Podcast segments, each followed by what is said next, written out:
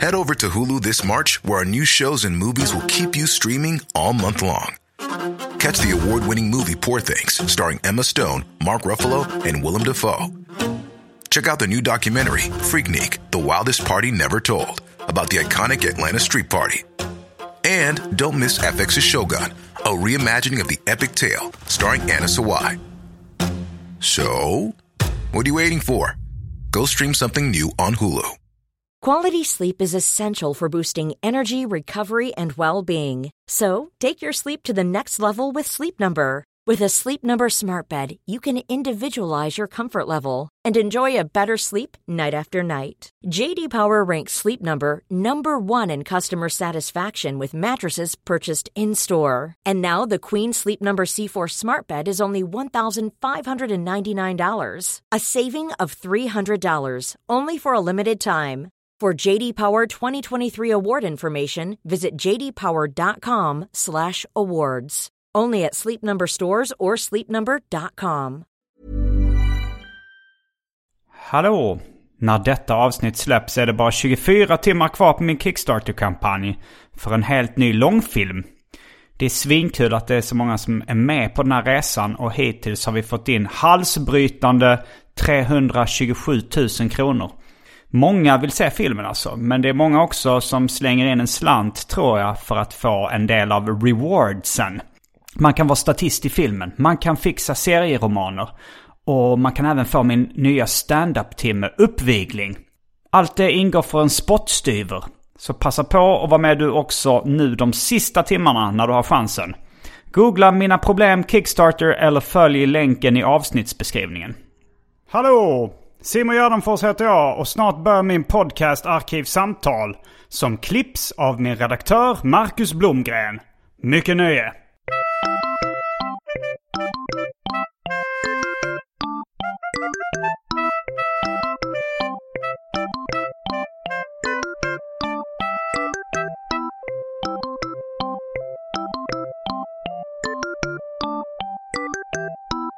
Hej och välkomna till Arkivsamtal. Jag heter Simon Gärdenfors och mitt emot mig sitter Uje Brandelius. Välkommen hit! Tack så mycket. Jättekul du... att få vara här i ditt, i ditt väldigt stilrena hem. Mm, tack så mycket. Det, det är kul att ha dig här. Eh, du eh, behöver kanske en närmare presentation för en... För, jag tror för vissa är det en självklarhet vem du är. Ja, för mig är det men ja. jag vet att många andra Eh, många, det finns någon viss procent som inte har den blekaste. Absolut. Du är uh, musiker och uh, allmän, uh, jobbar inom nöjesbranschen precis som jag på olika sätt. Det kan man säga.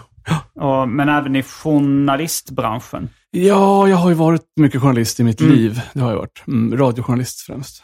Kanske mest känd för medlem i, och, och, en av grundarna, eller en av front, frontmannen i bandet Dr. Cosmos. Mm. Och eh, sen har du gjort en, eh, en långfilm ja. nyligen som har uh, vunnit Guldbagge. Mm, tre stycken tror jag. Tre stycken Guldbaggar. Uh, så ja, det var den korta presentationen. Mm. Men du uh, avslöjade innan vi slog på mickarna att du var törstig. Ja. Så nu har det blivit dags för det omåttligt populära inslaget Välj drycken. Yes.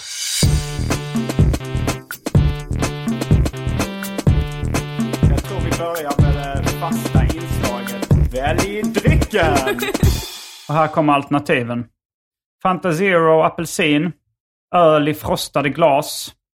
Eh, hard seltzer, gin tonic, pina colada, dry martini, whisky, konjak, vodka, passoa, malibu, amarula cream, grand marnier. Häxblandningen, det vill säga alla drycker som fanns i min kyl innan genomgick en så kallad corporate rebranding. Och för tråkmånsar och nejsägare, vatten. Uh, jag skulle så himla gärna vilja svara häxa. Um, mm. Jag gjorde en häxa en gång och tog, och tog med på fest. Mm, nyligen? Ja, nyligen. Var det några år sedan. Okej. Okay. Och det blev den absolut populäraste drycken, kan jag säga. Var det för att folk var nyfikna på det? Eller var det för Nej, att för att det, smak, det smakade valborg 1987, eller beroende på hur gammal man alltså...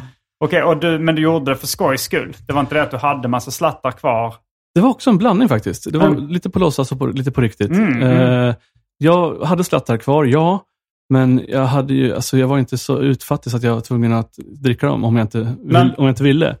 Men det ville jag och det blev faktiskt, alltså det som är roligt med häxa, är att man vet inte hur det kommer att smaka. Du kan liksom ha en aning, Mm. men du vet inte vilka som, vilka som kommer att dominera, för du vet inte hur stora slattarna är och så vidare. Och den, den där slumpgrejen, den tycker jag väldigt mycket om faktiskt. Ja, det var, det var någon som hade någon pepparkakslikör som dominerade häxblandningen, kommer jag ihåg när jag var, fan. drack på... eh, Jag tror mina, mina häxor dominerades av Baileys när jag var liten. det är en ganska bra eh, dominerande smak. Jo. Ifall choklad är den som sticker ut. Ja, och Det och det gräddiga liksom Ja. kan ta bort lite av... Ja, nej men, så att eh, jag eh, väljer... Måste man dricka alltså? Du behöver inte dricka. Nej.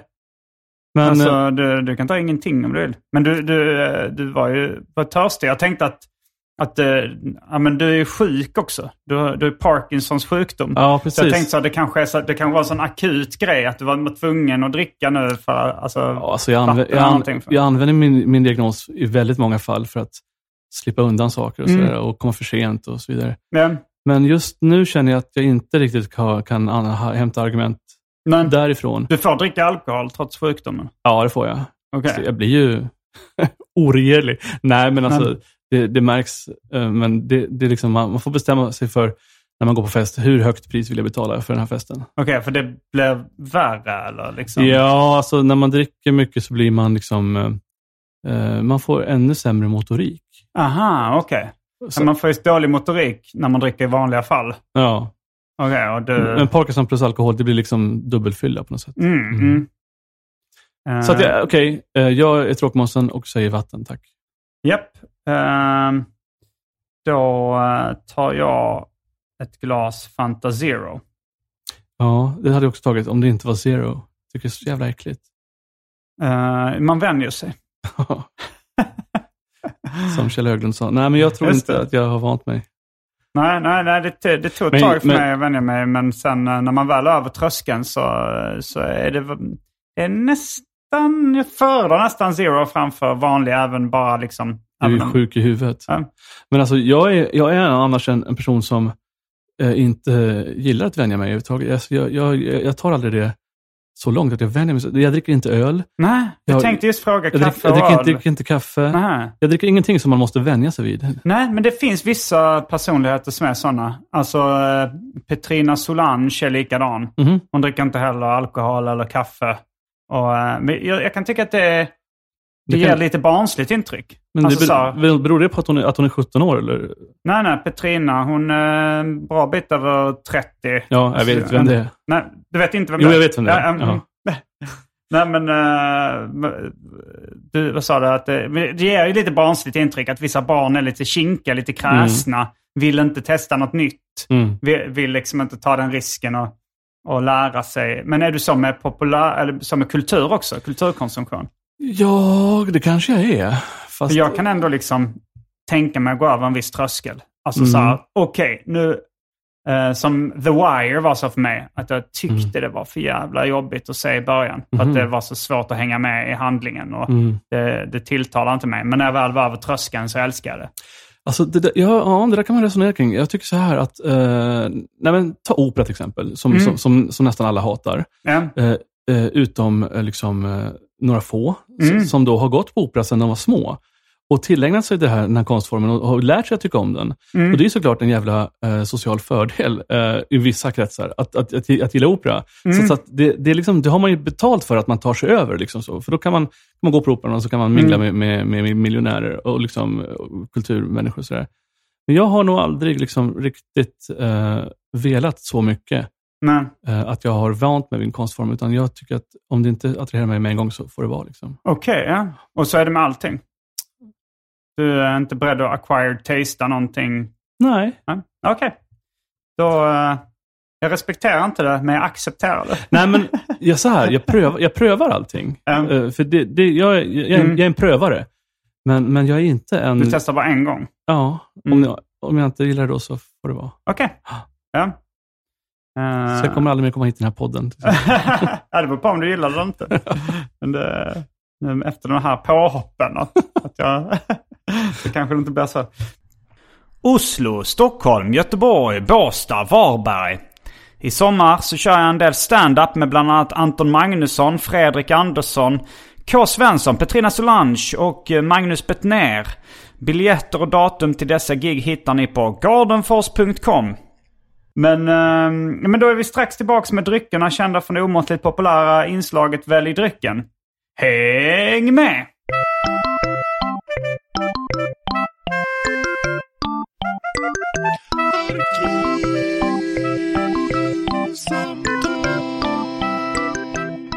Då är vi tillbaka med dryckerna kända från det omåttligt populära inslaget Välj drycken.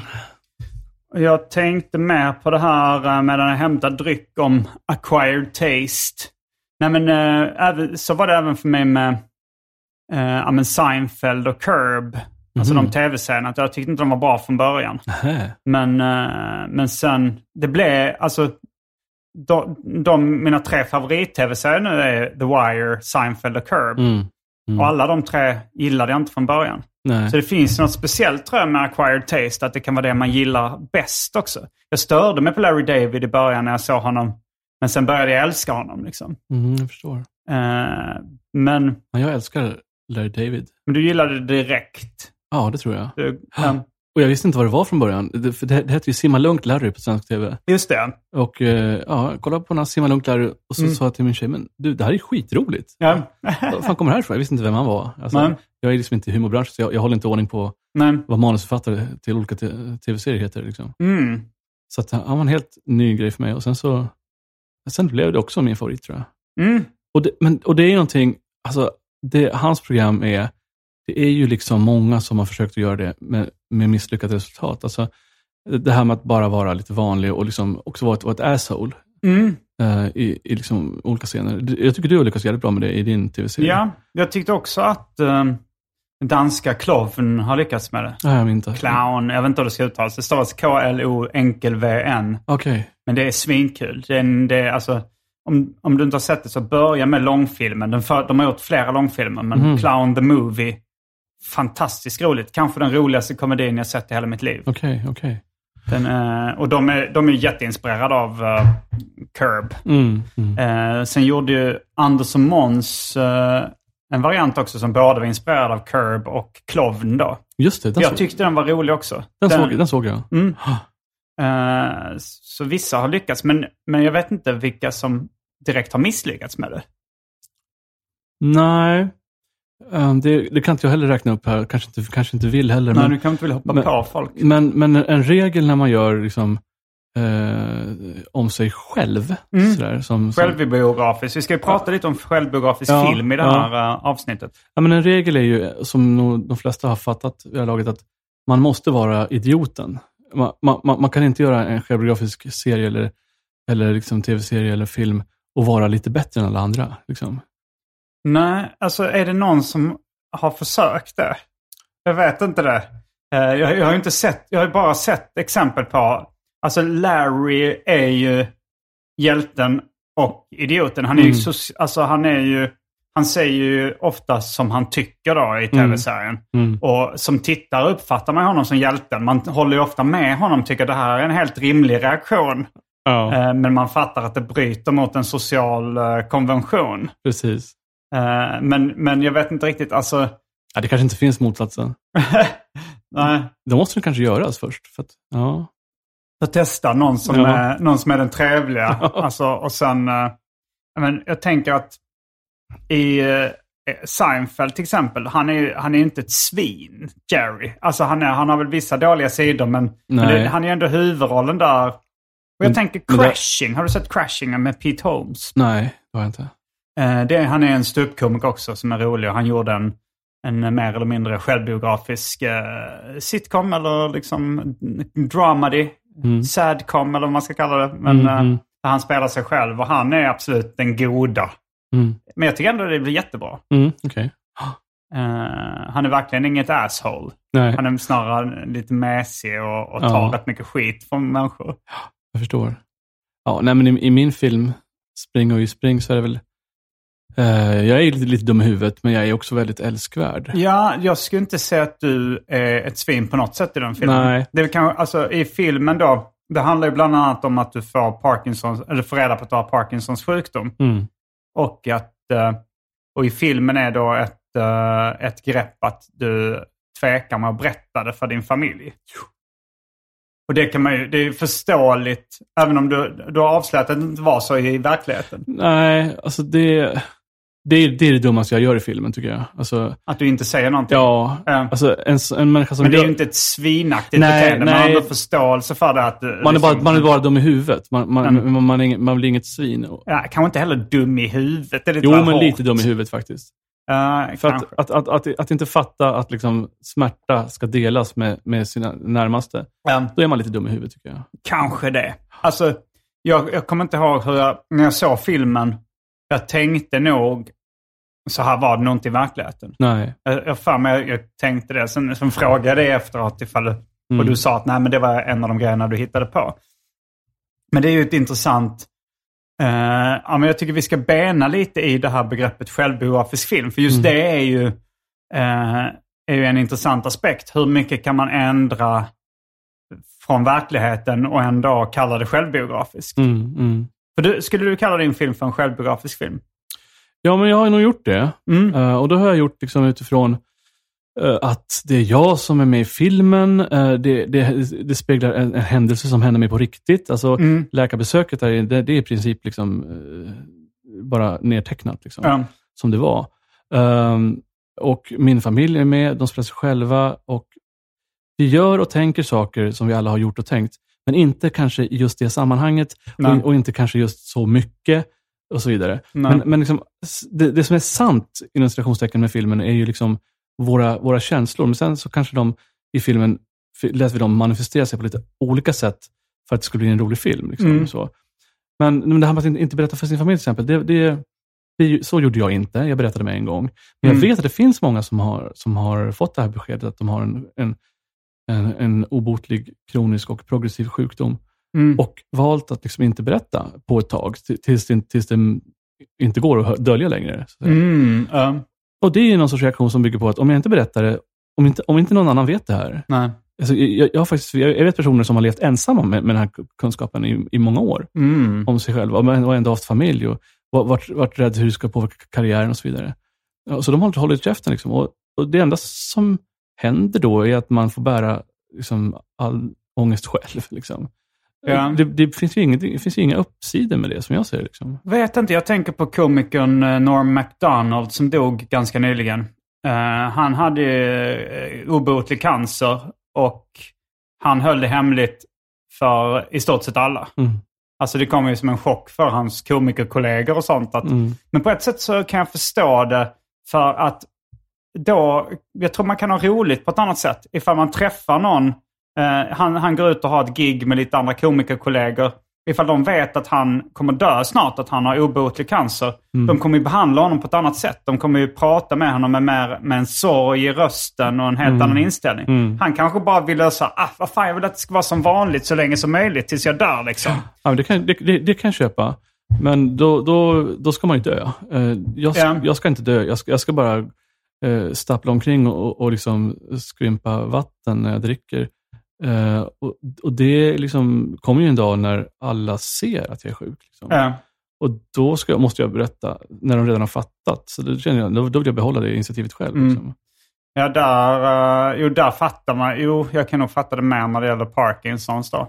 Men ehm, Ja, men Eh. jag, jag, jag gillar att du tycker tvärtom emot hela tiden.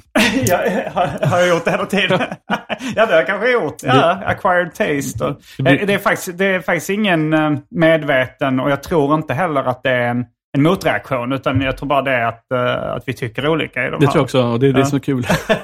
Dynamik. mm. Men alltså den här självbiografiska tv-serier verkar det finnas rätt gott om. Vi nämnde ju eh, Seinfeld. Den har ju, alltså, den har ju en, eh, alltså det, det, ingenting kan ju vara helt 100% som i verkligheten. Alltså så fort du ändrar en replik eller en, en, en liksom, en kamera... Eh, vinkel eller... Nej, det, det går ju inte att skildra livet exakt som det är. Men det, och är- sen det, är frågan liksom hur långt kan man ta det mm. Och ändå kalla det självbiografiskt. Men, Men, men jag tänker att eh, det kan vara mer eller mindre självbiografiskt. Ofta, en, en grundförutsättning tycker jag ändå är att eh, huvudrollen eller någon av rollerna heter samma för och efternamn som den som har varit med och skrivit manus, eller Mm. som det bygger på. Mm. Som har varit med och gjort filmen eh, i alla fall. Och i tv-serier är det rätt vanligt, alltså om vi säger Seinfeld eller Cur- eh, Curb Your Enthusiasm så heter han ju Larry David i Mm. Curb och Crashing som jag nämnde med Pete Holmes och Louis CK gjorde sin tv-serie Louie. Eh, som var samma sak där. Men det var ingen som trodde att det var självbiografiskt. I vilken av dem? Uh, CK till exempel. Eh, ja, ja, alltså det, mycket är ju sant i den. Han, har- alltså så här, det är ju, han, han jobbar som komiker, han har två döttrar, Ja. han bor i New York. Jag tänker Eh, Seinfeld-greppet och, och, och även han, den, den, den har sett lite grann av. Är inte det att liksom uh, vara med om en grej och sen så plocka in den i ett avsnitt där det händer massa andra grejer? Jo, så Eh. kan det ju vara. Men, men det är mer eller mindre, alltså som Pete Mm. Holmes, han var med om så att hans, han växte upp eh, kristet då och gifte sig väldigt tidigt och sen så blev han eh, lämnad av sin fru Mm. Eh, när han gav sig in i komikervärlden. I- Och det är det som serien handlar om. Sen så har de ju ändrat vä- väldigt mycket. Och, Ja, jag förstår. Men i litteraturvärlden så har man ju Mm. löst det här genom att uppfinna ordet autofiktiv. Eh, det betyder alltså att man, man skriver det som är sant Mm. tills man inte tycker det är kul. Då, Mm. Och då börjar man hitta på. Eh, och liksom eh, autofiktiva romaner tror jag är, så här, det är nästan att de är dominerande nu för tiden. För, för att du behöver auto för att liksom, eh, Men fo- det- det- fo- folk, ska bry sig överhuvudtaget. Ah, okay, ja. Men, du, men du behöver fiktiv för att det ska bli en bra story. Liksom. Så om du skulle skriva en sån så skulle då huvudrollen ändå heta Uje Brandeus. Mm. Men det, det skulle vara påhittade stories. Ja, men jag, alltså jag har... nu Det är som based on a true story Ja, när man ja, ser precis. amerikanska tv-serier och sånt där. Eller så här, till och med ibland inspired by true events. exakt. Då tar de det ännu ett steg från... Ja, eh, Clark Olofsson till exempel. eh, den, Står det ins- inspirerat av verkliga händelser? nej, det är så eller? baserat på sanningar och lögner, står det. Eh, Eh, och den är ju jättedebatterad och folk tittar på den jättemycket för att det handlar om en verklig person. mm, mm. Och sen så har ju filmmakarna gjort vad fan de vill med, med, med, Ja. med hans liv. Liksom. Eller, eller kanske han också. Jag har inte läst hans memoarer, men de, de lär ju vara också ganska eh, Münchhausen-liknande. här.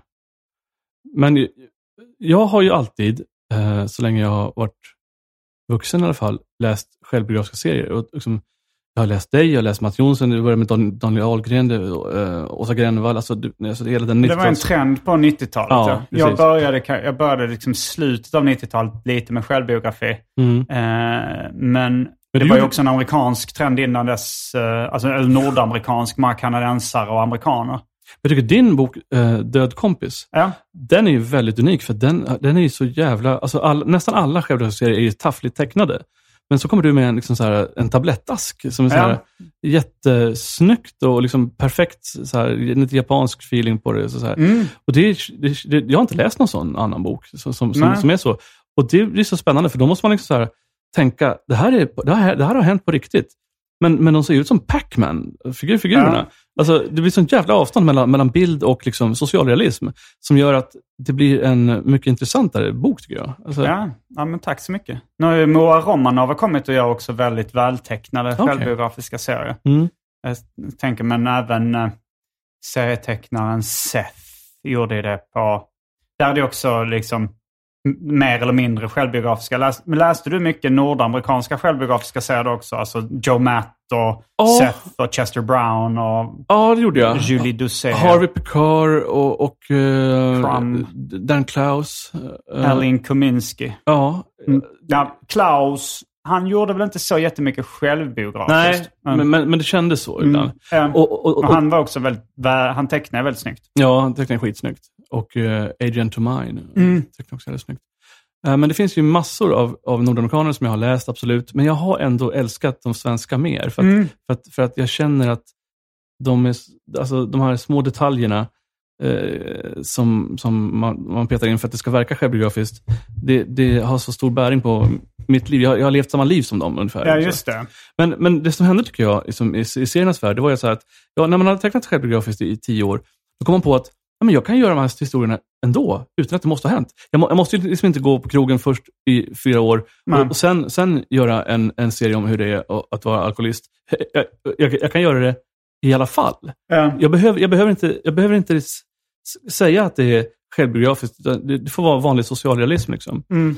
Och det där plockade jag med mig lite grann. Att, och har gjort massvis med låtar i mitt band Dr. Cosmos som är självbiografiska, men de är, de är skenbart självbiografiska. För de, de, de startar kanske i någonting som har hänt på, på, på riktigt. Mm. Och Sen så pepprar jag med massa detaljer som man ska tänka, men det där kan väl ingen hitta på? Alltså, för de är för tråkiga, de här detaljerna. Liksom. Mm, mm. Men eftersom det är tråkiga detaljer så tar folk det för... för... Oj. Jag trillade en av mina plastfigurer med. Jag okay. tror det var uh, Yummy Mum. Nej, det var uh, Frankenberry. Okej, okay. det var någon som protesterade mot det jag sa kanske.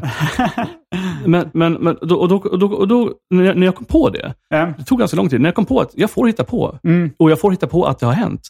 Och, liksom så här, och, och jag hittade en form för hur man formulerar sig så att folk tror att det har hänt. Liksom. Mm. Ja, som att jag sjunger om mig själv. Då, liksom, då, blev ju, då, då öppnade sig en, en port av möjligheter. Liksom. Helt plötsligt så, så får jag vara med om allt möjligt. Liksom. Mm. Uh, utan att jag... Och, och, och, och jag, det, jag har... Kändes det som att du hade varit med om det också i ditt minne när du... Ja, lite så. Har du skrivit det? det jag gjorde lite så i, i tecknade serier under en period också, under en fanzinperiod. Sen gick jag tillbaks till mer eh, traditionellt självbiografiskt. Alltså mm. min första eh, serie om en turist, där var det ändå påhittade eh, inslag också. Mm. Som jag inte hade varit med om. Men, Men visst, du åkte väl runt till en massa människor och bodde hos dem? Ja, Simonsson 20 dagar. Ja. Där, där hade jag gått tillbaks till att försöka göra det så självbiografiskt som möjligt. Mm. Och även Död kompis var samma sak där. Mm. Det var bara, nog bara den första i, i fanzin och i den första boken där jag eh, gjorde mer påhittade grejer. Mm, mm. Eh, och även i Galago gjorde jag några sådana eh, serier där men, jag hittade på grejer. Tycker, du, tycker, tycker inte du som jag, nej det gör säkert inte, men att tricket är att det ska vara så pass tråkigt att, att folk tänker att det här kan ingen ha hittat på? Det är ett väldigt bra trick. Jag, mm. jag har tänkt på det tricket också. Men, eh, men, jag, men de grejerna jag hittade på, då var det ganska det var lite så extremare grejer. Liksom. Mm. Eller så här, det var någon serie jag gjorde där jag låtsades att jag skulle sluta teckna för att jag hade blivit uh, djupt troende. Mm. Då var jag inspirerad av uh, rapparen Seron då, som hade lagt av mm. och skrivit avskedsbrev när han hade blivit djupt kristen. Mm. Så gjorde jag en serie där jag låtsades då att jag hade blivit djupt kristen och skulle sluta med serierna. Så det var, det, där, där kan jag inte säga att jag la till... Liksom, Hatar Gud-serier eller vad? Nej, det var hans argument för att sluta rappa var väl att han eh, ville bli mindre egocentrisk och kanske med alltså, att, mm. eh, att skapa konst och kreativitet. Det var ganska mm. mycket en egocentrisk handling tyckte mm. han på något mm. sätt. Sen började han rappa igen med ett kristet budskap. Men, eh, Men han har ju rätt. Alltså, självbiografiker i, mm. i alla genrer är ju narcissister. Absolut. Absolut. Jag tror de flesta, de flesta grejer, alltså att skapa konst, eh, ja, det, det, är klart att det finns kanske någon som går ner och snidar en, en vacker eh, modellbåt utan att visa det för någon. Men för det mesta handlar det rätt mycket om att man vill ha uppskattningen mm. och reaktioner på det i alla fall. Varför ska man vara självbiografiker om man ändå inte får höra snacket efteråt? Alltså det, um, det, är, alltså det finns ju ingen som sitter och skapar och tänker det här ska ingen få säga. Det här, nej, jag försökte det en gång. Jag och min kompis uh, Finsta som är tecknare och graffitimålare. Mm. Vi gjorde ett test en gång där vi, där, vi skulle, där vi skulle rita och skriva i varsin bok. Och så mm. skulle vi inte visa det för någon. Och sen skulle vi bränna upp boken när vi hade gjort, tecknat klart i den. Mm. Eh, men det, det funkar inte. Jag fick ingen inspiration. Alltså det kändes och då var det ändå två. Alltså du skulle ändå visa det för en Nej, nej jag skulle inte visa det för nej, honom. Det var bara, vi, bara, vi bara kom på att vi skulle göra det projektet ja. tillsammans. Vi bodde ihop då. Uh, så vi gjorde det liksom varje kväll så skulle vi sitta och teckna. Men okay. uh, till slut blev det med att säga slarva. Alltså mm. det blev en, det, uh, jag tänkte att man kanske skulle utvecklas någonting när man kände sig så fri att det här kommer ingen se. Mm, mm. Och då tänkte jag, och då kommer jag bli så fri i mitt skapande Eh, så jag kommer att utvecklas. Men det blev mm. tvärtom. Jag blev bara sämre för att jag kände ingen motivation. Jag tror att du har rätt. Jag har ju ofta tänkt så här när man skriver scener till en film eller när man skriver låtar, vilket jag för övrigt tycker är ungefär samma jobb. För det är, det är ungefär samma längd på en filmscen och en låt. Liksom. Mm. Och man, man, vill, man, vill ha med liksom, ungefär lika mycket information om de här människorna som är med. Men intressant, har jag inte tänkt på, att en filmscen och en låt... Eh... För, för mig är det att... Ska, ofta är det ju så här, det finns väl någon sån här uh, regel på båda att det får inte vara mycket mer än tre minuter. Exakt. exakt. Mm. Så för mig var det precis samma jobb. Eh, jag, jag, skrev, jag tror jag skrev 70 80 scener mm. till, till Spring och spring. Och det, och det var som att jag skrev 70-80 låtar. Liksom. Mm. Fast de var inte på rim och i takt nej, och melodi. Nej, nej. Men de, men de måste ha ett innehåll. Mm. alltså, jag, jag, jag, jag tycker så här, att alla gör fel när, de gör film. Mm. De, de sitter och tänker på en lång båge. För, först, först, först ska han vara där, sen ska han vara där och sen ska han vara där. Mm. Och på vägen ska han träffa den och den. Det tycker jag är helt fel sätt att, arbeta på, för att så gör man inte musik. För, jag kommer från musikvärlden. Mm. Då, då, då tänker inte jag, skivan ska börja med en mjuk låt, sen ska den sluta med en, lite längre, alltså, så tänker man inte. Utan man, man, man gör ju låtar. Varje låt måste vara bra. Och Mm. låtar som inte är bra, de åker ut. Så är det med scener också. Varje scen måste vara bra. De måste kunna stå på sina egna ben. Sen kan man fundera på att sätta ihop dem med någon jävla story. Men det kommer sen. För det Mm. viktiga är scenerna. Så tänker jag när jag gör um, stand-up-timmar. Då är det ju så att varje skämt måste vara bra och roligt.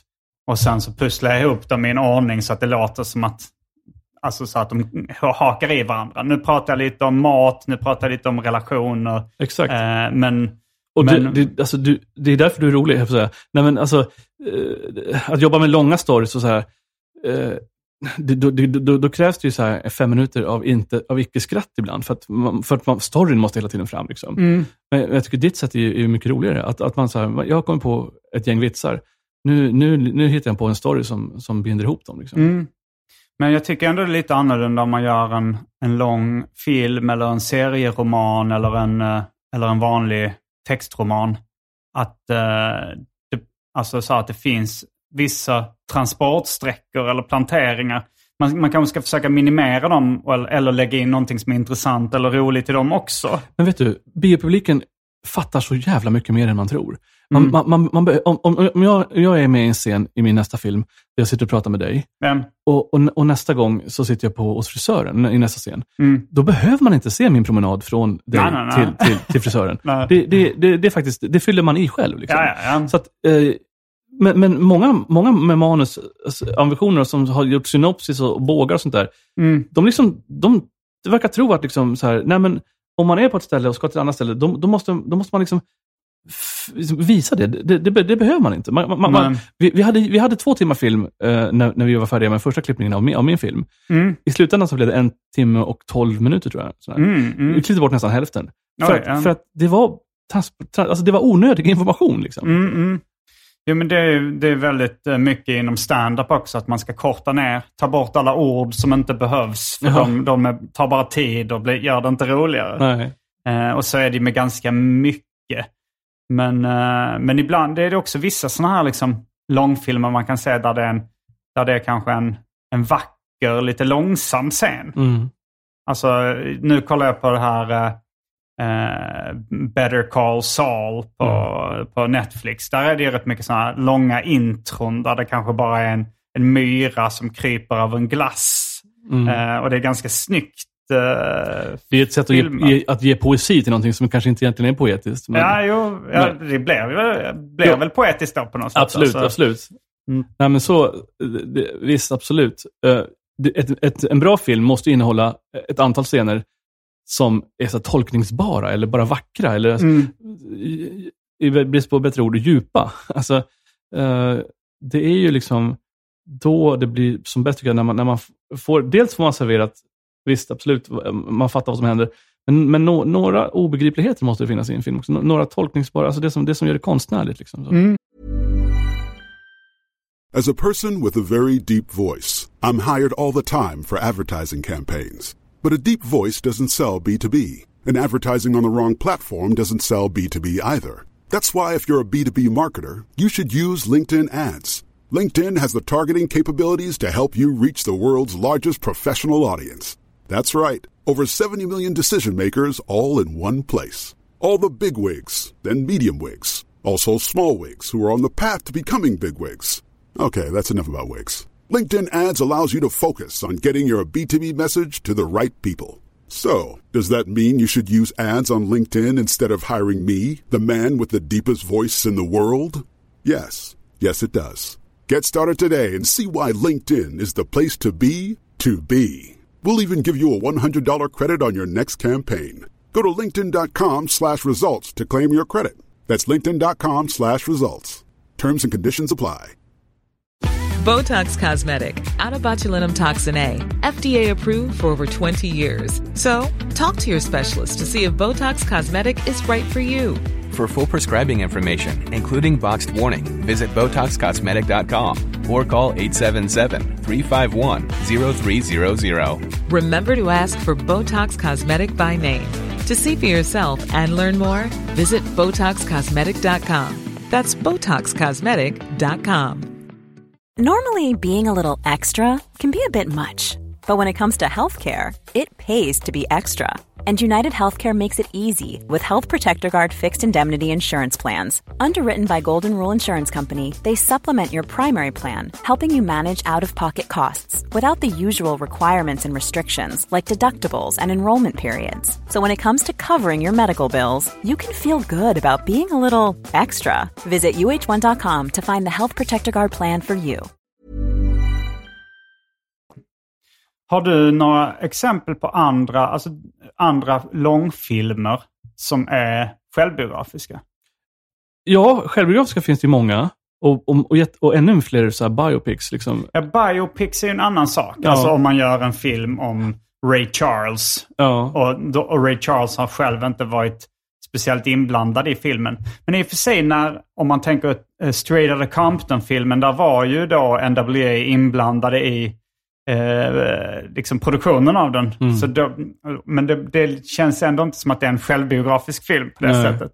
Men, för, men, men som liksom, där det är, för din film skulle jag också kalla självbiografisk, även om det finns eh, inslag som är påhittade. Mm. Men så är det i, i tecknade serier, det går ju inte att göra det helt självbiografiskt. Nej.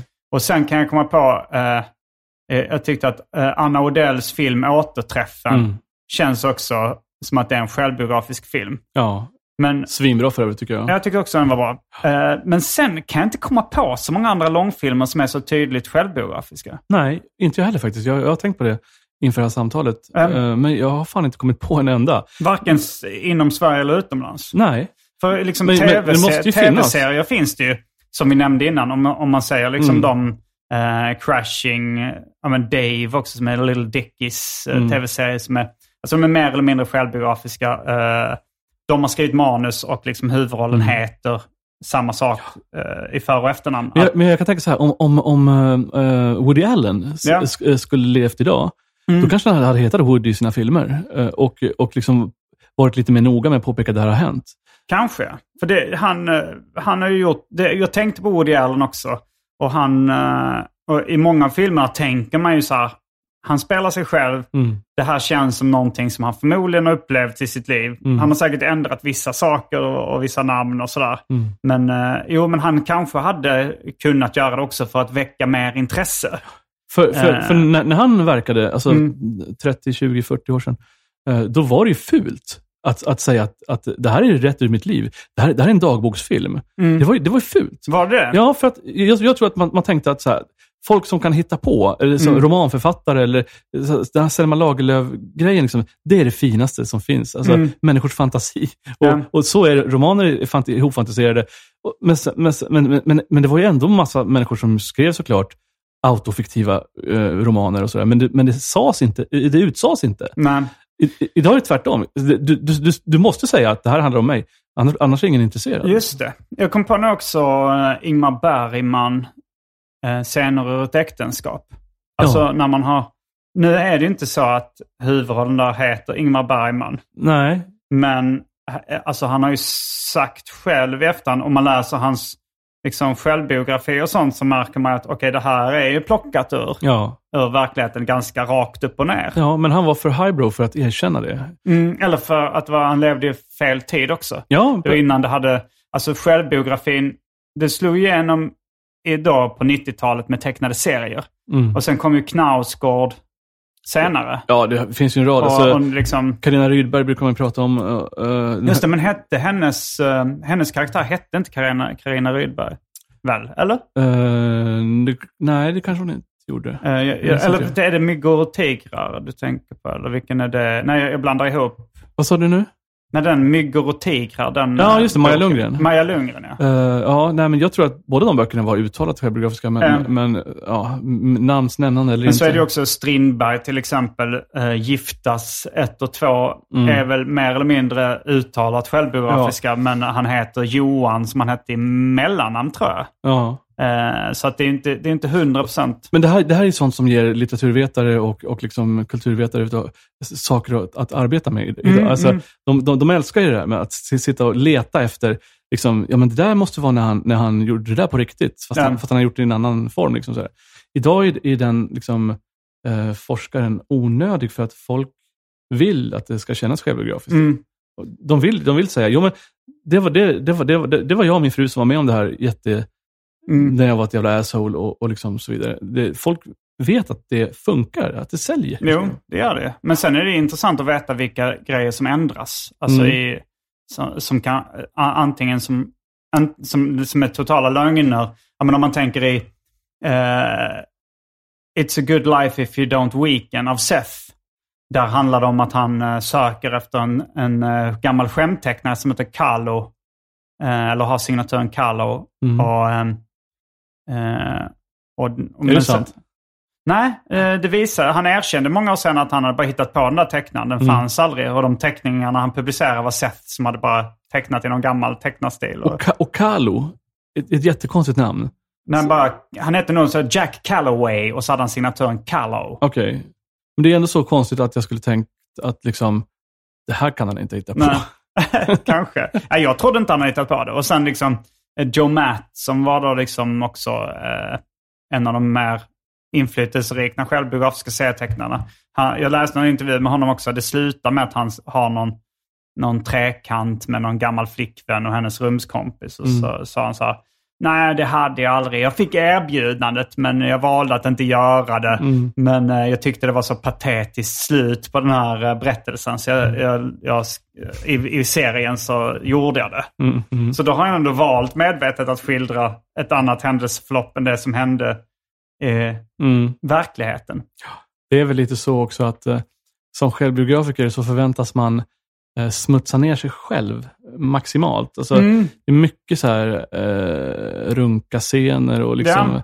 sånt där som liksom så här, och hur fan vågar du? Liksom? Ja. Um, det, Det, det kommer jag ihåg när jag läste. Mats Jonsson. Jag blev så himla imponerad av hur han vågade erkänna Mm.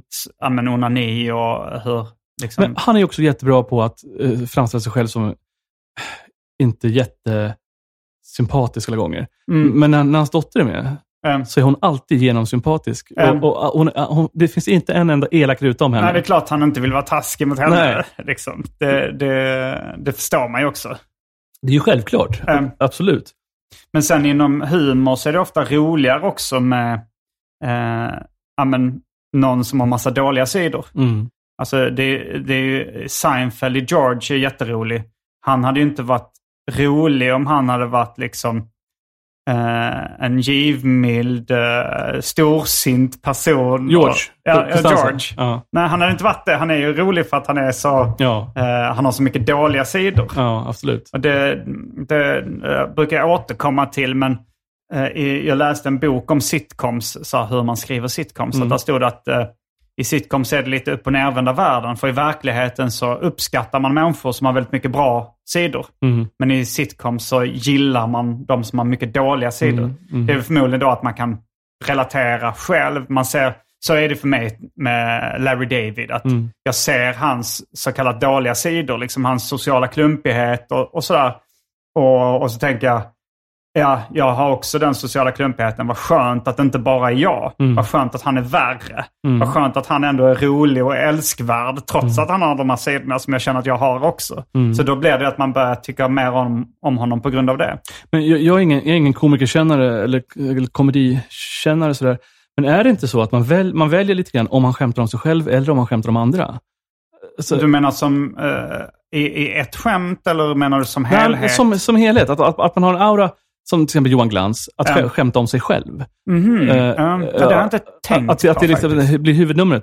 Eller om man liksom, eh, skämtar om andra eh, och då kanske både sparkar uppåt och neråt. Det är roligare att sparka neråt för övrigt. Men, Har du något exempel på någon komiker som framförallt skämtar om andra? mm. Alltså jag tänker så här, Magnus Betnér gör väl lite både och. Att han skämtar mycket om andra. Mm. Men han skämtar ju rätt mycket om sig själv också. Mm. Eh, men eh, ja, jag vet inte. Alltså det, det är ju många som, som använder sig själv inom stand-up. Mm. Sen är det vissa som mer kör one-liners som är som roliga historier. Mm. Där, man, eh, där det inte spelar så stor roll. If, alltså så här, om man tänker Rodney Dangerfield. Han säger så här... I went to a, to a fight and a hockey game broke out. Alltså han går på boxning. Då tänker man att det här har ju inte hänt, men det är ett roligt skämt. Mm, Och man mm. bryr sig inte om det. Så nej, det, det här är ju bara en absurd rolig historia. Mm, liksom. mm. Eller en vits. Men, ehm, Ja, nej, men jag, det är ju... men jag tänkte på det med just Larry David, att i hans tv-serie så, ehm, så, är, så heter han Larry David. Men sen när han, han har gjort två långfilmer, då har han valt att de inte är självbiografiska. Eh, det är Clear History och Sour Grapes. Okej. Han behärskar inte riktigt långfilmsformatet känner jag. Mm. Eh, Men jag undrar varför... Just K- lång... Känns de bara som långa Larry David-avsnitt? Liksom, eller? Nej, det gör de inte. Ja, okej. Eh, det... De är dåliga bara. Ja, det, det är inte så bara. Ja. Eller det, det finns ju mycket att säga om varför de är dåliga. Men, Ja. men, eh, ja, men Sour Grapes är, är sämre än Clear History. Clear History är ganska mycket som ett Curb-avsnitt fast huvudrollen, sen, han, har- han har klätt ut sig lite och heter någonting annat. Mm, Och, mm. men, men han behärskar, han behärskar mest den här formen med liksom lite kortare setup punchline och Mm. igenkänningshumor kanske. Jag tycker att det här med komedi och humor så här, det är ju det är kul. Eh, Men, men alltså, jag skulle aldrig komma på tanken att kalla mig för komiker. Men Men jag vet att många skrattar åt mig. Mm. eh, När jag har stått, dina texter och sånt eh, har ju alltid varit humoristiska. Ja, en del. Eller, Mycket ja, av det. Ja. Mycket av det. Men, men jag tycker liksom att... Och du hade ju ett inslag i, jag såg i pjäsen också, Springer i spring Ja. för länge sedan. Både i pjäsen och i filmen så finns det ju då att på din bucket list finns det då att testa stand-up. Och du gör det i filmen och, och pjäsen. mm. Men är det så, har du haft sådana tankar? Ja, tankarna Mm. har jag haft. Men, men det som stoppar mig är att om jag säger att nu ska jag vara rolig, Mm. kommer inte en jävel att skratta, för så rolig är jag inte. Men om jag säger att så här, nej men det här är inte roligt och sen är, så vill man en rolig smyg, Mm. då ka- kan man ju riva huset. Alltså, det, det är så här Dramaten-publikens take på humor är ofta så här, någonting skittråkigt, någon grekisk tragedi Mm. så, i tre timmar. Och sen, och sen så säger någon bajskorv och de Mm. bara Åh, så dråpligt! Liksom. Mm. Så det, man, man- man måste ju veta vilket mode man är, rummet är i. Liksom. Jo, så är det ju. Alltså, så det, om, om någon håller tal på ett bröllop och lägger in ett, något komiskt inslag där. Mm. Då skrattar ju folk mycket mer än om någon säger så här, nu ska jag köra en liten stand-up show här. Verkligen så. Eh, men Verkligen men så. sen samtidigt så är Och jag kan det säga att jag, jag, jag har pratat på jättemånga bröllop Mm. och jag har rivit huset varenda gång. Men jag skulle aldrig liksom inbilla mig att, att det, samma sak skulle gälla på, på liksom... Nej, det är det ju inte. Man, man måste ju vara roligare på en standupklubb. Mm. Men, men sen samtidigt så, eh, så det finns ju uppenbarligen eh, komiker som lyckas vara roliga även på standupklubbar. Ja. Och få skratt där. Det är bara att det är lite svårare för att där har publiken lite högre krav. Men det betyder också... Men jag var på den här Lund stand-up comedy-festivalen en gång Mm. eh, och gjorde min, gjorde min föreställning. Ja. Och då kände jag lite grann i rummet så här, nej, det är inte så roligt som ni tror. Jag, jag, förlåt, liksom. Det kanske skulle, kanske skulle stått i programmet att det här är halvroligt, för det, för, för det är vad det är. Men när, när man då går på Lunds Com- Comedy Festival så förväntar man sig ju roliga saker hela tiden. Ja, ja. Och så kom jag då med min, med min halvroliga grej. Mm. Och eh, det flög inte riktigt där, känner jag. Och Sen så var vi där några dagar och så såg jag massvis med komiker och jag vred mig av skratt till de sämsta. Mhm, mm. Det är alltid så roligt att höra dåliga komiker. Ja, till en början är det det. Jag älskade också... Nej, jag, var på, en- på Västerås Comedy Festival med en, med en eh, komiker då som heter Anders Selin som hade kört lite längre än vad jag. Och så hade de en tävling som heter så här, Västerås roligaste. Och så åh jag måste kolla på det. Då sa han, nej det kommer inte vara bra. Jag sa, men jag älskar att se dåliga skämt. Mm. Det märks att du är ny i branschen Simon. Mm. Det kommer du tröttna på. Mm. Nu har jag nog tröttnat. Jag kan, jag kan, ifall det är någon som är riktigt, riktigt sopig tycker jag fortfarande är roligt. Jag tycker så här, sopighet i kombination med liksom, ehm, vad ska man kalla det för, uh, respektlöshet. Ja. Eh, det, det är det allra roligaste. ja, alltså, när, när de verkligen angriper, de pratar om liksom folkgrupper, eller, eller liksom, vet, så här, grova, grova skämt framfört, framfört med ingen som helst timing. det tycker jag är väldigt roligt. Ja, det är dubbelt negativt och positivt, matematiken. då. Exakt. Um, mm. Men uh, håller du på med mer film? Alltså så här, du, när, var det, när var ni klara med spring, eh, springfilmen? Mm, ja, årtal, men kanske 2020 eh, tror jag att den visades på filmfestivalen i Göteborg på, Ja. på januari. Sen blev det lockdown och eh, stängda biografer i ett år. Och sen så hade vi Prempa eh, i december 2020. Och eh, spelade då, vi låg på biotoppen, eh, vi låg etta på biotoppen i flera månader, för vi var den enda film som, som, som liksom kördes. Och vi hade ju fulla salonger över hela Sverige. Åtta personer åt, åt gången fick se Just filmen. det. Ja. Så det var, det var ändå lite roligt så här Mm. efteråt. Eh, men det är klart att det var tråkigt att... Ja. Men sen visades den på tv i mars 2021, tror jag. Ja, så då är den ganska färsk ändå. Alltså i filmsammanhang. Mm. Jo då. Eh, men, eh, men har du börjat jobba på någon ny film? Ja, men jag, det som har hänt är att jag har fått lite så propåer. Eh, så jag, jag, nu har jag, Förfrågningar alltså? ja, precis. Ja, Förlåt. eh, nej, Jag vet inte vilken jag, publik som... Nej, jag tänkte, tänkte förtydliga för de, för, för de dummaste lyssnarna. Nej, men så jag, jag, jag har lite olika jobb nu helt enkelt, som jag sitter och pular med. Som, Okej. som är i manusvärlden. Mm. Okej. Men då, då är det att du skriver åt andra, eller på uppdrag? Så. Mm, precis. Mm. Och sen så har jag också egna projekt såklart. Mm. Eh, Så att, men jag tänker väl att skriva eh, för teater eller film kan, vara, bli, kan bli min grej kanske. Nu när Mm. jag är sämre på att spela piano. Mm. Mm, mm. Men skriva är, är inte svårt? Alltså Eh, rent fysiskt? Ja, det kan vara det faktiskt. Eh, Men nu har jag hittat en bra medicin som gör att det går fortare. Mm. Mm. Eh, ja, men intressant. Jag gissar att du inte kan, vill eller får prata om de här nya projekten. Nej, så är det faktiskt. Mm. Det brukar vara så Jag, jag, i alltid- film jag, och har alltid tyckt, tv-branschen. tyckt att det är lite löjligt, men nu har jag nog förstått vad det handlar om. Det handlar liksom om att inte lägga extra press på sig. Och, liksom, Ja. och, och tar det fem år att göra det här manuset så kommer jag att spy på den frågan till slut. Mm. Liksom. Ja, verkligen. Man tycker det är lite pinsamt att ha pratat om någonting som inte blir av. Mm. Eller?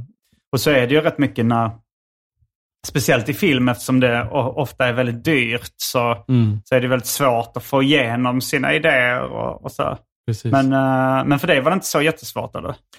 Eh, nej, jag hade någon sorts jävla märklig räkmacka. För att jag hade ju kört föreställningen i flera år. Mm. Och, och, och alla i liksom branschen hade ju sett eller hört talas om den här föreställningen. Mm. Och, eh, så det, och sen när Henrik Schyffert kom med på tåget, han tyckte om föreställningen. Var det han som föreslog då, så här, eller vem var det som sa, ska vi göra en film av det här? Nej, alltså okej. The full story, det är så här.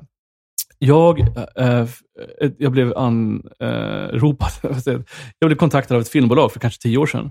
Mm. Som hade hört mina sångtexter och de tyckte att jag skulle skriva, testa att skriva ett filmmanus. Okej. Mm. Och då sa jag, ja absolut, det kan jag göra. Och sen så, så stod det på min göra-lista i, i fem, sex år.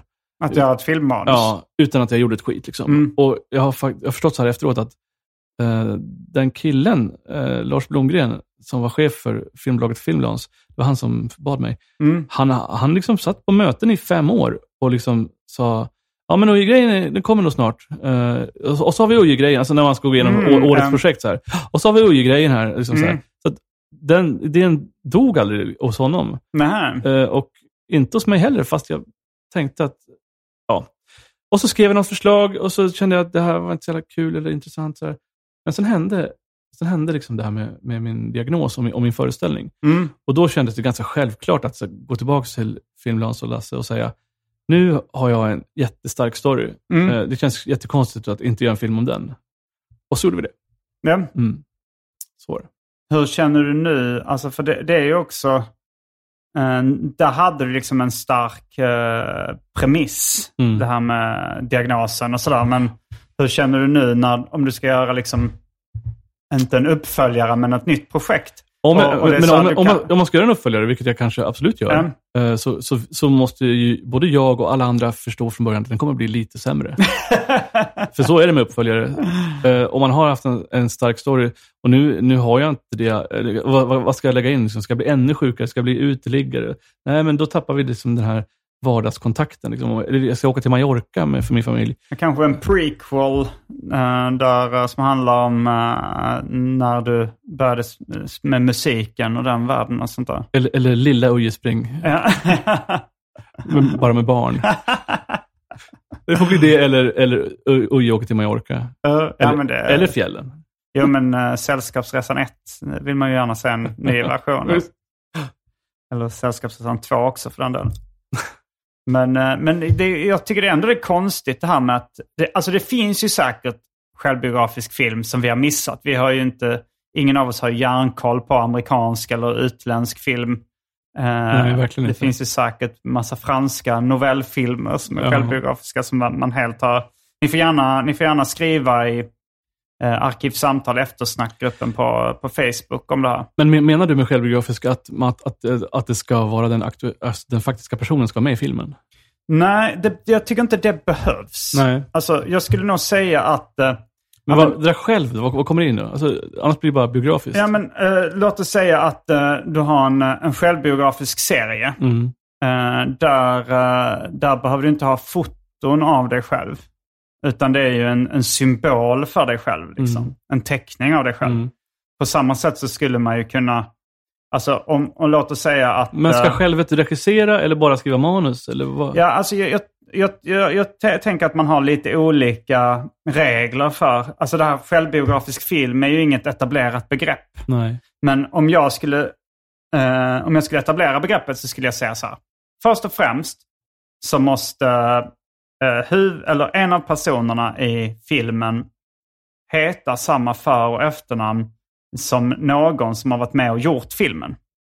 Det här är Dogma 2022. Eh, helst då eh, den som har skrivit manuset, skulle jag säga. Eh, sen tycker jag det är en fördel om eh, personen spelar sig själv. Eh, alltså, eh, men eh, det är inte nödvändigt. Okej. Sen tycker jag att det ska vara, ge intrycket av att ha hänt på riktigt. Mm. Det ska inte vara uh, cowboyar i rymden. Även om det rent teoretiskt skulle kunna gå att ordna. Ja. Det, det finns, om, låt oss säga att någon som har varit i rymden har haft en cowboyhatt. Och, nej, men jag menar, det, det ska ändå vara, alltså så här, nu är det ju så att om jag, om jag ser din film Mm. så, så eh, tolkar jag det som en självbiografisk film även ifall inte allting var sant i den. Mm. Vi la in en, en, rut, en textruta i början av filmen, jag vet inte om du kommer ihåg det. Men det stod uh, uh, Uje och hans familj spelar sig själva, står det. Mm.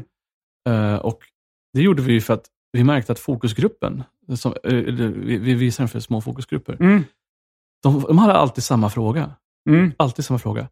Uh, var, var det där Uje och hans familj på riktigt? Mm. Mm. För att folk, är så, folk vill liksom veta premissen. För Ja, att, ja, ja. För att liksom Mm. kunna, kunna se på någonting. Mm. Uh, ja, men jag tycker det är... Jag, alltså jag, är så här, jag gillar information. Jag, Ja. jag, jag, jag, jag överinformerar gärna. Och, och, då, och då tänker jag att det här, jag, jag, jag öppnar min föreställning med att säga jag heter Roger Brandelius, jag är musiker. Mm. eh, För att alla, alla ska känna att det här är sant och det är min berättelse. Och vi öppnar filmen med att säga familjen är med, de är sig själva. För, Mm. att, för att jag vill inte att folk ska sitta och fundera över Nej, om, nej, nej. om, om, det det, är om, om det på är ett så sätt smart. inte.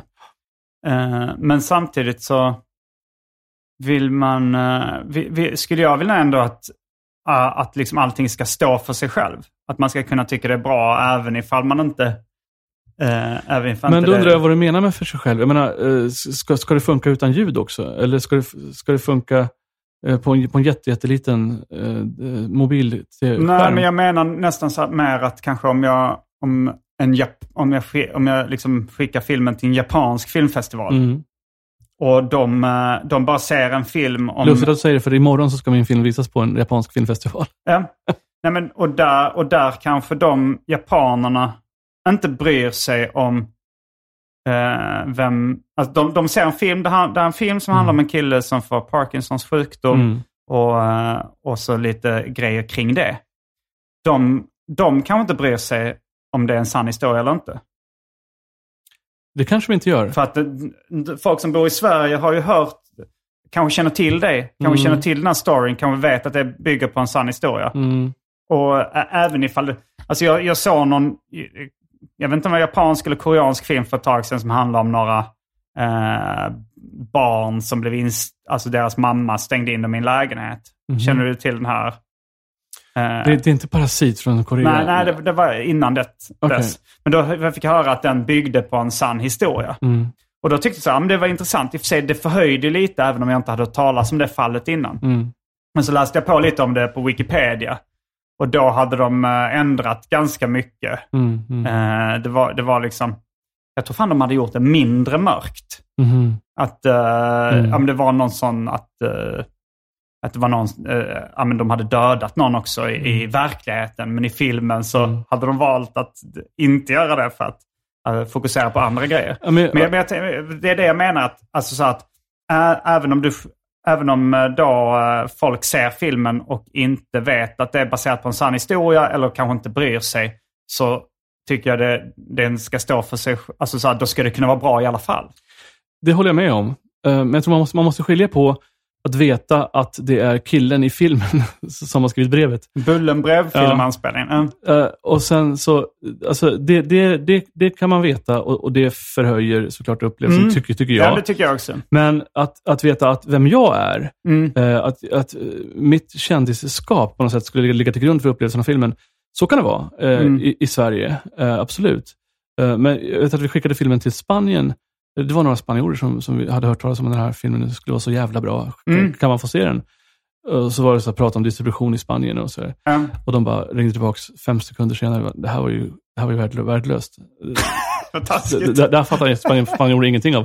Så jag, jag har funderat lite grann på vad fan beror det på att den är så svensk? Att, att den känns så svensk. Och Mm. Det ena kan ju vara att, att, att jag är en lite grann känd figur i Sverige. Eh, men jag tror också att det är någonting i tonen i filmen och liksom skämten. Det är referenser som flyger över huvudet på varenda spanjor. Liksom. Mm. Um, som, som man då som svensk känner sig lite mer, det här är, det här är min film, det här är en svensk film. Liksom. Ja, nej, men det är ju det. Alltså, så här, jag tror det var Picassos äventyr, den Hasse och Tage-filmen då som de ville lansera i Europa, men den funkade inte Nej. någon annanstans. Nej, jag kan fatta det. Det, det, det. Om man inte vet vilka Hasse och Tage är, men så, så är det en lång rad av... den handlar ändå om Picasso liksom. Och, men, eh, Mm. och, och, det, och språket är ju så här någon slags eurolingo. Att det Ja, har inget, precis. eh, men, men det var tydligen...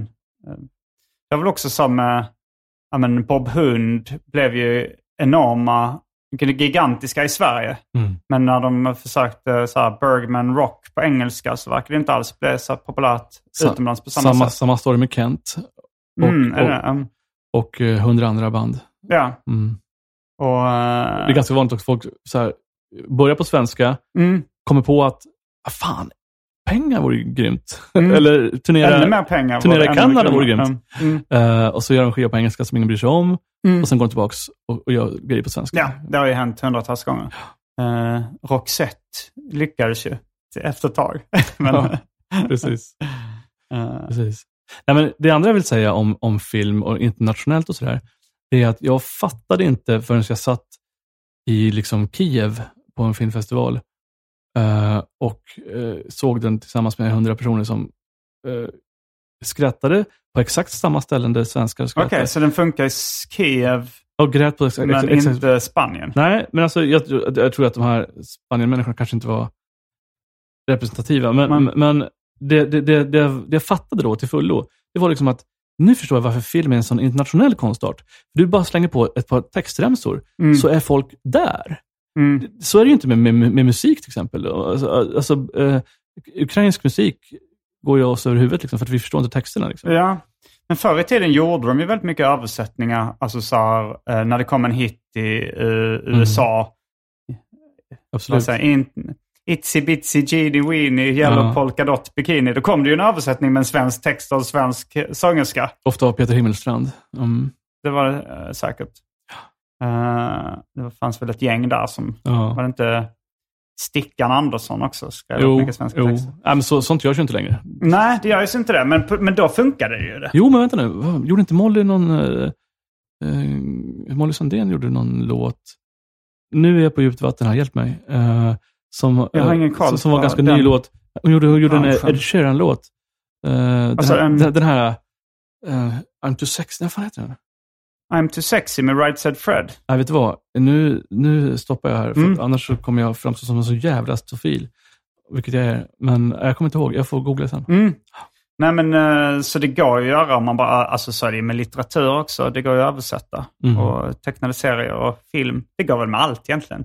Ja, fast jag har ju varit med, jag, jag, jag, jag kanske utgår från mig själv. Jag har sjungit svensk musik på, Mm. på svenska i liksom 30 år. Mm, Eh, och ingen jävel utanför Norden har brytt sig, liksom, såklart. mm, Um, ja, det är inte helt sant, för jag, jag gjorde faktiskt en skiva på engelska och då fick jag turnera i USA, men det, det var liksom en quirky sak som var mest på skämt om jag ska vara ärlig. Men, eh, men, nej, men så, för, så för mig är det så här, ja, de förstår mig! mm, Ja, de förstår min humor! Och liksom så här, ja, hurra, jag får vara utomlands och träffa människor på riktigt. Liksom. Mm. Så. Det är väl bra. Det är jättebra för mig. Ja. Ja. Eh, nej men det... det, jag, jag, det ja, jag tror att alla som lyssnar på det här vet att jag håller på och ska göra en självbiografisk film också. Jag har gjort det här, eh, Mina Problem TV-serien som är självbiografiskt lite mer på samma sätt som kanske Curb och Mm. Crashing och de tv-serierna vi nämnde innan. Har jag sagt att jag tycker att den är jättebra? Eh, det, jag, det minns jag inte, men Nej, jag men jag tycker den tv-serien är jätte, jättebra. Ja, men eh, tack så jättemycket. Verkligen. Och, och där, där tycker jag nästan det är konstigt att, för du berättade att eh, du ofta får frågan, eh, är det, ja men, är det de som spelar sig själva? Är det du som är han? Och får du också frågan, är det här sant? Eller är det... Ja. För jag tycker jag får den frågan ganska sällan. Det är många som, tyck, som säger så här, jag tycker mina problem är jätteroliga. Mm. Men det är ganska få som frågar så här, hur mycket av det är sant? Hur mycket av det är sant då? Är du nyfiken på det? Eller bara ställer du? Nej, men jag är nyfiken på det. Eh, men det är ganska mycket faktiskt. Mm. Alltså nästan allting har en utgångspunkt från uh, självbiografi. Mm. Men sen har jag liksom twistat till det på sina ställen. Men det är ingenting som jag liksom, alltså ingen av storylinjerna som jag helt hittat på från grunden. Så Peter Wahlbeck är lite rasist. Alltså Peter Wahlbeck-avsnittet är nog det som ligger närmast verkligheten av alla. Vi åkte ju på turné tillsammans. Ja. Och eh, eh, de flesta re- replikerna, eh, alltså jag skulle säga 90% av alla replikerna som han säger är repliker som jag minns att han har sagt tidigare. Mm. Som jag bara skrivit ner då när jag skrev manuset så får han säga dem igen. Mm. Plus att han eh, han, upprepar dem. jag känner inte honom, men han, han är ju lite, lite som eh, den här som du pratade om, arketypen i, i, i en komediserie. Den som är, är, har sämst moral, liksom, Ja, ja. Och det, som man gillar bäst. Liksom. Jo, det blev ju så. Han blev ju väldigt rolig då för att, eh, för att han har så mycket dåliga sidor och åsikter. Och, och levererar dem så här som att han inte förstod att, att någon skulle ta illa upp. Liksom. Ja. Ja. Men sån är han ju rätt mycket i verkligheten också. Ja. Har du träffat honom i verkligheten? jag har träffat honom. Mm. Ja, mm. Då vet du att han är sån. Jag har fått en utskällning av honom också. Mm.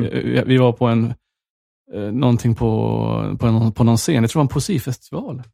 Och vi hade ett nyfött barn och, Mm. och, och det ny, nyfödda barnet var backstage och liksom skrek hela jävla tiden. Mm. Så att, eh, och det tyckte han var jävligt jobbigt. Hur fan kan ni ta med ett barn hit? Ja, men vad skulle vi göra? Liksom, vi, vi, vi, var, vi var båda två med, både jag och eh, barnets mamma var med i bandet. Liksom, och Mm. Vi, vi, skulle, ju- vi fick ingen barn. Bla, bla. Vi får skaffa barnvakt! Precis. Skrek han nu? ja, det kan han mycket, mycket, mycket väl ha gjort. Ja. Ja, eh, vill du vara med och prata lite i det Patreon-exklusiva delen av Arkivsamtal också? Vad sa du? Den? Den eh, Patreon, eh, Patron-exklusiva delen. Känner du till det fenomenet? Nej. Är den nya ekonomin, den nya underhållningsbranschen. Okej. Då är det så att eh, det här uh, får vem som helst lyssna på gratis. Men sen om man donerar en valfri slant på Mm. patreon.com arkivsamtal. Okej. Då får man tillgång till massa eh, exklusiv bonusmaterial. Men då kan jag berätta om alla mina älskare och hur de brukade ta på mig. Mm. Eh, det hade, eh, jag tror det hade lockat mer till lyssning om du sagt älskarinnor. Nu tänker folk, okej, det var en... eh, det var, vad heter hon? Kerstin Thorvald som skrev det? Ja, just det. Mm. ja, du får berätta om alla dina älskarinnor och hur de tog på dig. Varje vecka så släpper jag ett Patreon-exklusivt avsnitt av den här podden för alla er som donerar en valfri slant på patreon.com arkivsamtal. Patreon.com arkivsamtal alltså. Det finns uh, ungefär 100 bonusavsnitt som ni får tillgång till så det blir mycket skoj för valfri slant. Glöm inte att också följa mig på sociala medier som till exempel Instagram. Där heter jag atgardenfors. All denna info finns även i avsnittsbeskrivningen. I det här avsnittet pratar vi mest om film, men Uje är kanske framförallt känd som musiker. Han tipsade mig också om sin biologiske son som gör musik och jag gillade väldigt mycket. Juno R13 kallar han sig som artist och det är svensk hiphop av den nyare skolan. Det är imponerande flow, det är starka punchlines och det är mycket filmreferenser. Så kolla in Juno R13 på Spotify om ni är nyfikna på det. Ja, men då tackar vi dig för att du medverkar i det här uh, ordinarie avsnittet av Arkivsamtal. Jag heter Simon Gärdenfors. Och jag heter Uje Brandelius. Fullbordat samtal.